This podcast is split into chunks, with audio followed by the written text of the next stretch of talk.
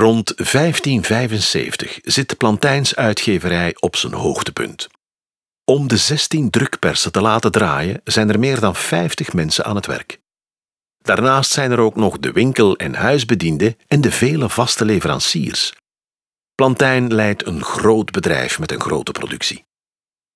Er wordt dus hard gewerkt, maar er wordt ook geklaagd, geruzied, gevloekt en zelfs gevochten. Schriftelijke afspraken, ordonnanties, regelen het werk. Hierin staan de verantwoordelijkheden van het werkvolk en van de baas genoteerd. Wie zich niet aan de afspraken houdt, betaalt een boete in geld of bier. Dat een bedrijf leiden niet zonder zorgen is, blijkt uit een brief van schoonzoon Jan 1 Moretus. Ik verwacht vandaag mijn schoonvader terug thuis uit Parijs.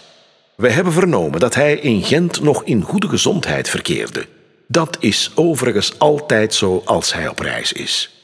Thuis bij ons kan hij niet van een goede gezondheid genieten omwille van de dagelijkse zorgen en ellende.